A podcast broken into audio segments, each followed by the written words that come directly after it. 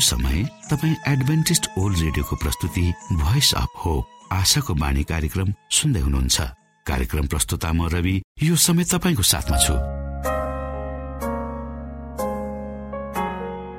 आफ्ना प्यारा श्रोताहरूको न्यानो माया र धेरै उत्साह दिने सकारात्मक प्रतिक्रियाहरूको सङ्गालो साथै लिएर आशाको बाणी कार्यक्रम डाँडा काँडा गाउँ बेसी हिमाल मधेस सुन्दर नेपालको सबै नेपालीलाई अनि मातृभाषा नेपाली बोल्ने अनि बुझ्ने प्रवासी नेपाली माझ पनि एउटा मन पर्ने कार्यक्रमको संज्ञाका साथ अगाडि बढिरहेको छ। हरेक दिनको कार्यक्रमहरू नयाँ र विशेष आत्मिकी बनाउनु हरेक श्रोताको चाहनालाई समेट्ने प्रयास गर्नु र तपाईँ सबैलाई हाम्रो मुक्तिदाता को हुनुहुन्छ भनी परिचय गराउनु हाम्रो उद्देश्य हो। यसमा तपाईँले हामीलाई साथ दिनुभएको छ। यसको लागि तपाईँलाई हामी धेरै धेरै धन्यवाद दिन चाहन्छौ। परमेश्वरको नामको महिमा होस् आज पनि हामी बाइबलबाट शिक्षाप्रद सन्देशहरू सुन्नेछौँ।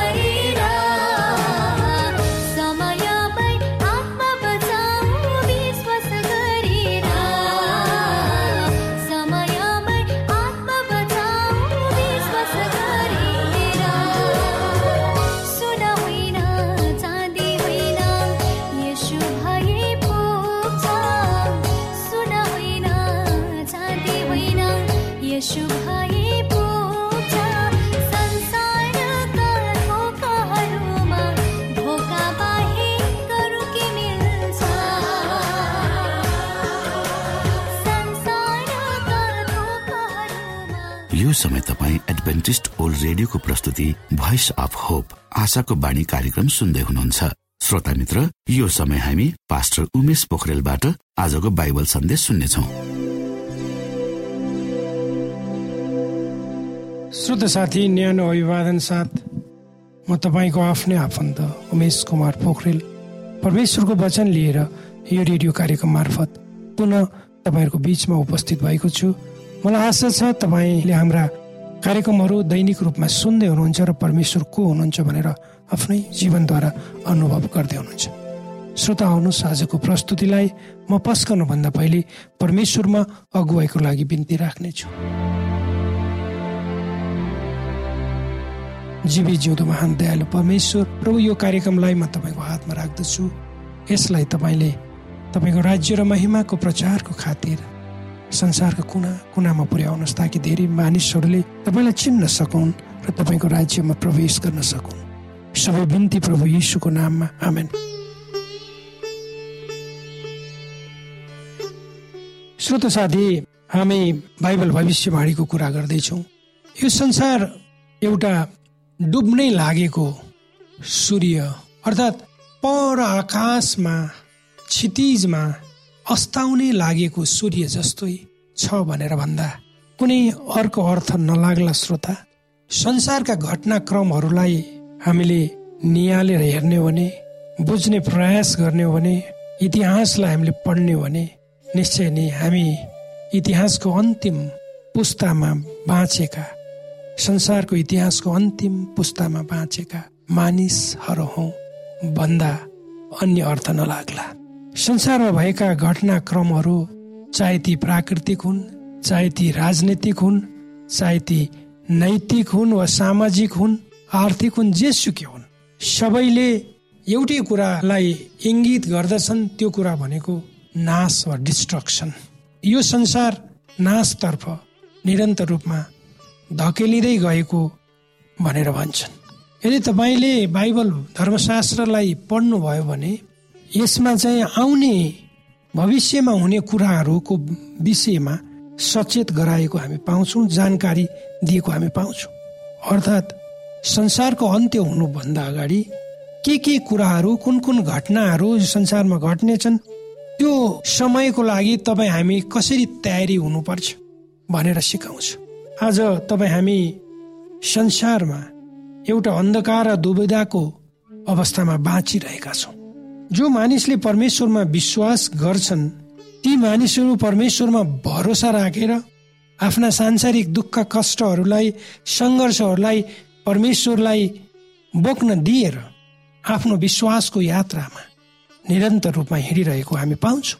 बाइबल धर्मशास्त्रको नयाँ नियमको युहन्न भन्ने पुस्तक तेह्र अध्यायको उन्नाइस पदमा परमेश्वर यसो भन्नुहुन्छ यो हुन अघि अहिले नै म तिमीहरूलाई भन्दछु। ताकि जब त्यो हुन आउँछ म उही नै हुँ भनेर तिमीहरूलाई विश्वास होस्। अर्थात् यसुले आफ्ना चेलाहरूलाई संसारमा हुन आउने घटनाहरूको बारेमा भन्दै हुनुहुन्छ। उहाँका चेलाहरूले उहाँको वचनमा के गर्नुपर्छ विश्वास गर्नुपर्छ भर पर्नुपर्छ त्यही कुरो तपाईँ हाम्रो निम्ति पनि लागु हुन्छ। हजारौँ वर्ष अघि बाइबलले अन्तिम दिनहरूको विषयमा भविष्यवाणी गरेको थियो। र यदि तपाईँलाई पनि भविष्यवाणीहरू थाहा छन् भने हामी जान्दछौँ यी सबै कुराहरू हुनुपर्छ र हामी अन्त्यको दिनमा बाँचिरहेका छौँ। यसको साथसाथै हामीमा परमेश्वरको सुरक्षाको भरोसा पनि छ किनकि यो संसार परमेश्वरको अधीन र नियन्त्रणमा छ। अन्तिमका दिनका चिन्हहरूमा हामी कसरी आफूले आफूलाई तयार गर्ने? अन्तिमका दिनका चिन्हहरू के हुन्? त्यो कुराहरू हामी हेर्नेछौँ। श्रोत साथी पहिलो कुरा ज्ञानमा वृद्धि।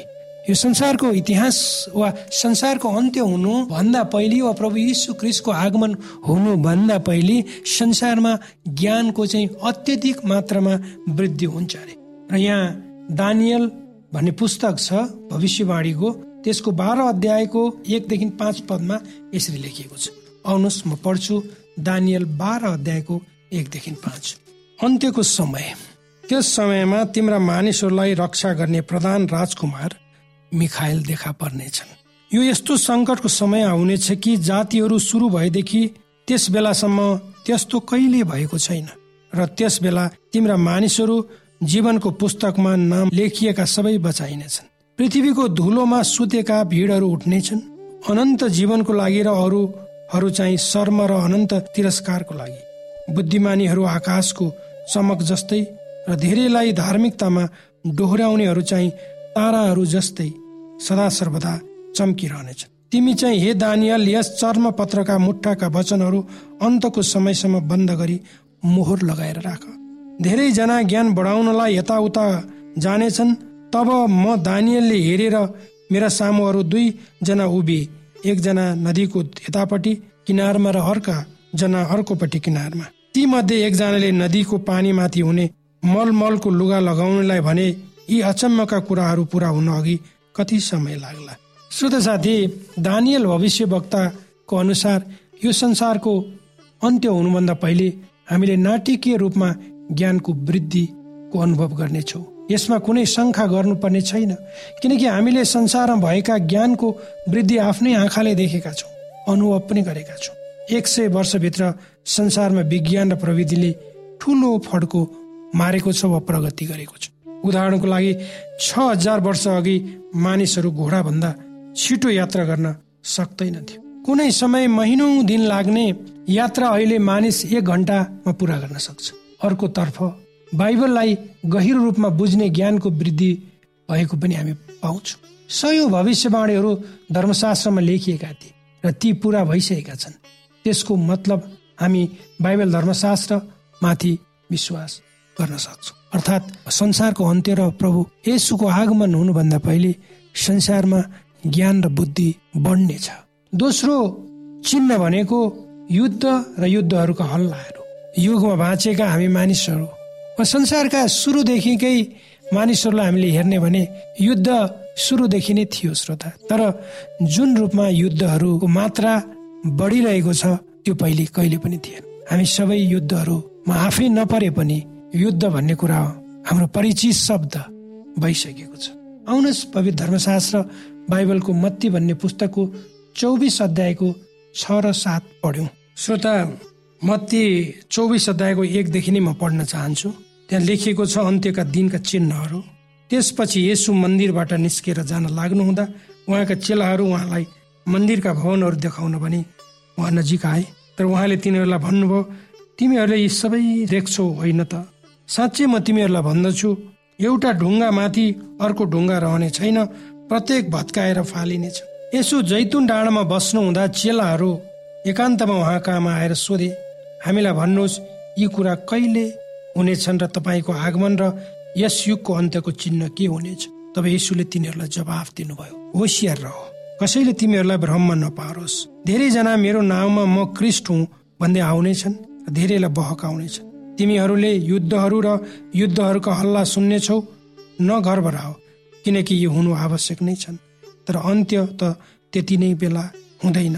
किनभने जातिको विरुद्धमा जाति राज्यको विरुद्धमा राज्य उठ्नेछ ठाउँ ठाउँमा अनिकाल भूकम्प हुनेछ तर यी त प्रसव वेदनाको सुरु मात्र हो। अगाडि लेखिएको छ तब तिनीहरूले तिमीहरूलाई सङ्कटको लागि सुम्पिदिनेछन् र तिमीहरूलाई मार्नेछन् र मेरो नाउँको खातिर सबै जातिहरूले तिमीहरूलाई घृणा गर्नेछन्।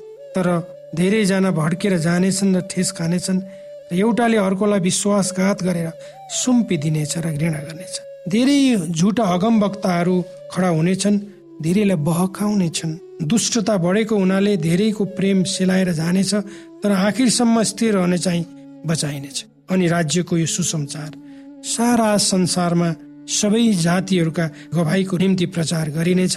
त्यसपछि अन्त आउनेछ। यसकारण जब तिमीहरूले दानियल अगम वक्ताबाट बोलिएको विनाशकारी घृणित थोक पवित्र स्थानमा खडा भएको देखौला तब यहुदियामा हुनेहरू पहाडतिर भागुन् कौशीमा हुनेहरू आफ्नो घरमा भएको सामान निकाल्नलाई तल नझरुन् खेतबारीमा हुने आफ्नो खास्टो लिन घर नआउन्।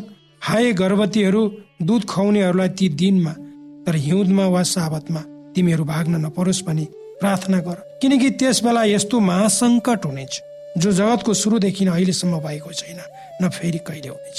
श्रोता अन्त्यको दिनको विषयमा प्रभु यीशुले स्पष्ट रूपमा यहाँ भन्नुभएको छ। उन्नाइसौँ शताब्दीको सुरुमा धेरैले विश्वास गरे कि यो संसार एउटा ठुलो नैतिकता र चिज वस्तुहरूको विकासमा अगाडि बढ्दैछ। मानिस जातिले विज्ञान र प्रविधिमा गरेको ठुलो प्रगतिले संसारमा शान्ति विकास हुनेछ युद्ध झैझगडा जस्ता कुराहरू इतिहासमा मात्र सीमित रहनेछन्। धेरैको विश्वास थियो। उक्त आशा पहिलो विश्वयुद्धसम्म मात्र रह्यो। जुन बेला विज्ञान र प्रविधिलाई मानिसहरूलाई मार्नको लागि प्रयोग गरियो जुन कुरा हाम्रा पुर्खाहरूले कहिले पनि कल्पना समेत गरेका थिएनन्। पहिलो विश्वयुद्ध एउटा ठुलो नरसंहारमा परिणत भयो। त्यति माने त्यो अन्त्य भएन। त्यसले दोस्रो विश्वयुद्धलाई निम्त्यायो।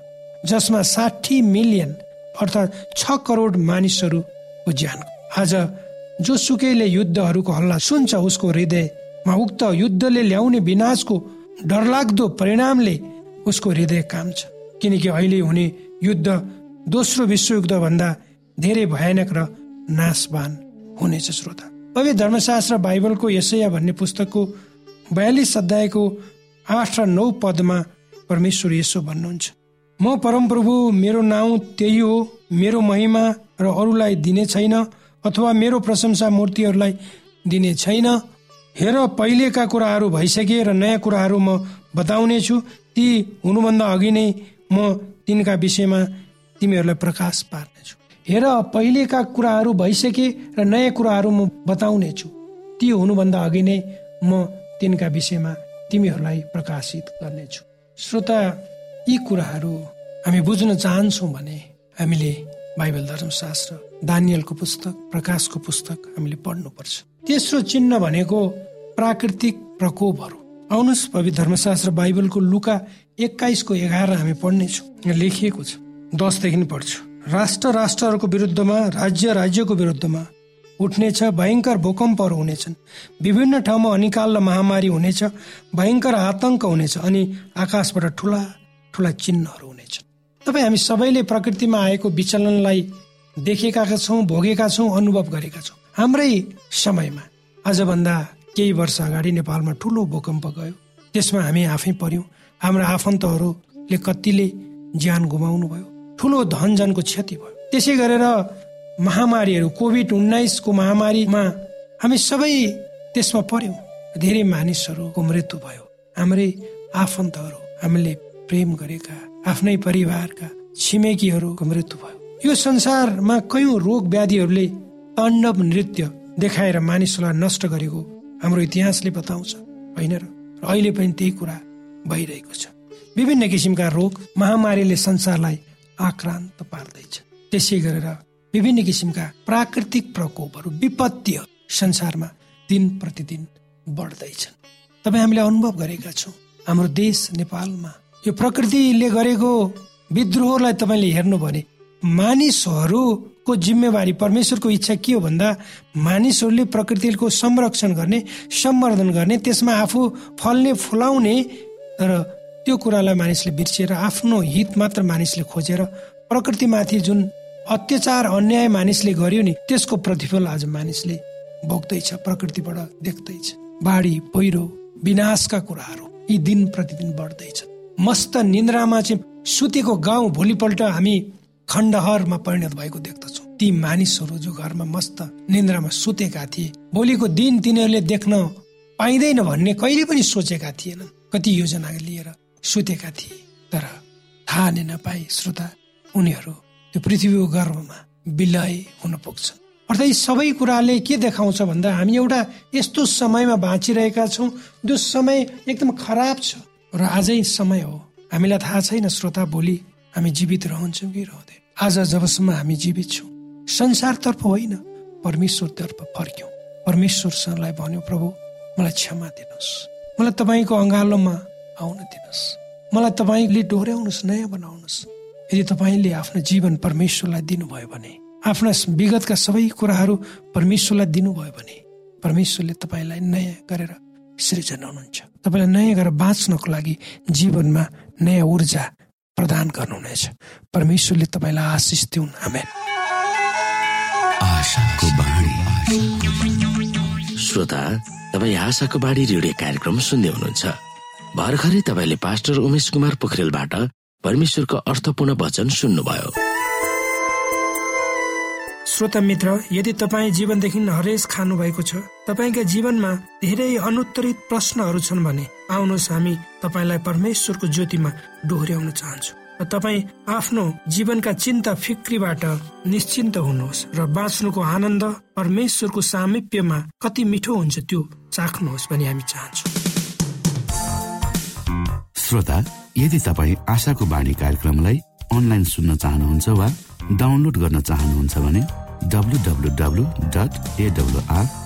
ओआरजीमा जानुहोस्। त्यहाँ तपाईँले प्रत्येक दिनको कार्यक्रम सुन्न र डाउनलोड गर्न सक्नुहुनेछ। हाम्रो वेब पेज यस प्रकार छ W dot AWR dot ORG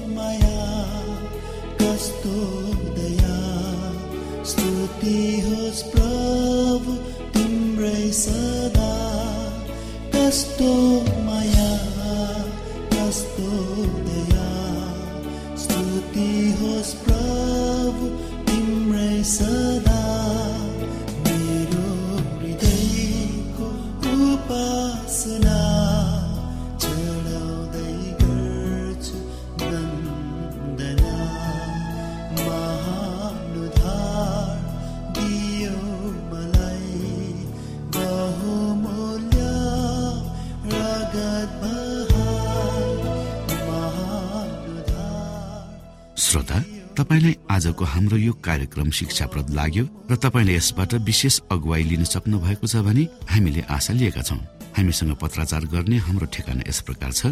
आशाको बाणी पोस्ट बक्स नम्बर दुई शून्य शून्य शून्य दुई काठमाडौँ नेपाल। श्रोता यदि तपाईँ हाम्रो स्टुडियोको नम्बरमा सम्पर्क गर्न चाहनुहुन्छ भने हाम्रा नम्बरहरू यस प्रकार छन्। अन्ठानब्बे एकसाठी पचपन्न शून्य एक सय बिस। अन्ठानब्बे एकसाठी पचपन्न शून्य एक सय बिस। र अर्को अन्ठानब्बे अठार त्रिपन्न पन्चानब्बे पचपन्न। अन्ठानब्बे अठार त्रिपन्न पन्चानब्बे पचपन्न। श्रोता तपाईँ हामीलाई इमेल पनि गर्न सक्नुहुन्छ। हाम्रो इमेल एड्रेस यस प्रकार छ Nepal at AWR dot ORG Nepal at AWR dot ORG यदि तपाईँ हामीलाई अनलाइन सुन्न चाहनुहुन्छ वा डाउनलोड गर्न चाहनुहुन्छ भने तपाईँ W W W dot AWR dot ओआरजीमा जानुहोस् र त्यहाँ तपाईँले हाम्रो सबै कार्यक्रमहरू सुन्न सक्नुहुनेछ। हवस् त श्रोता भोलि फेरि यही स्टेशन र यही समयमा यहाँसँग भेट्ने आशा राख्दै प्राविधिक साथी राजेश आडा पास्टर उमेश पोखरेल र कार्यक्रम प्रस्तुता म रवि। यहाँसँग विदा माग्दछौ। नमस्कार।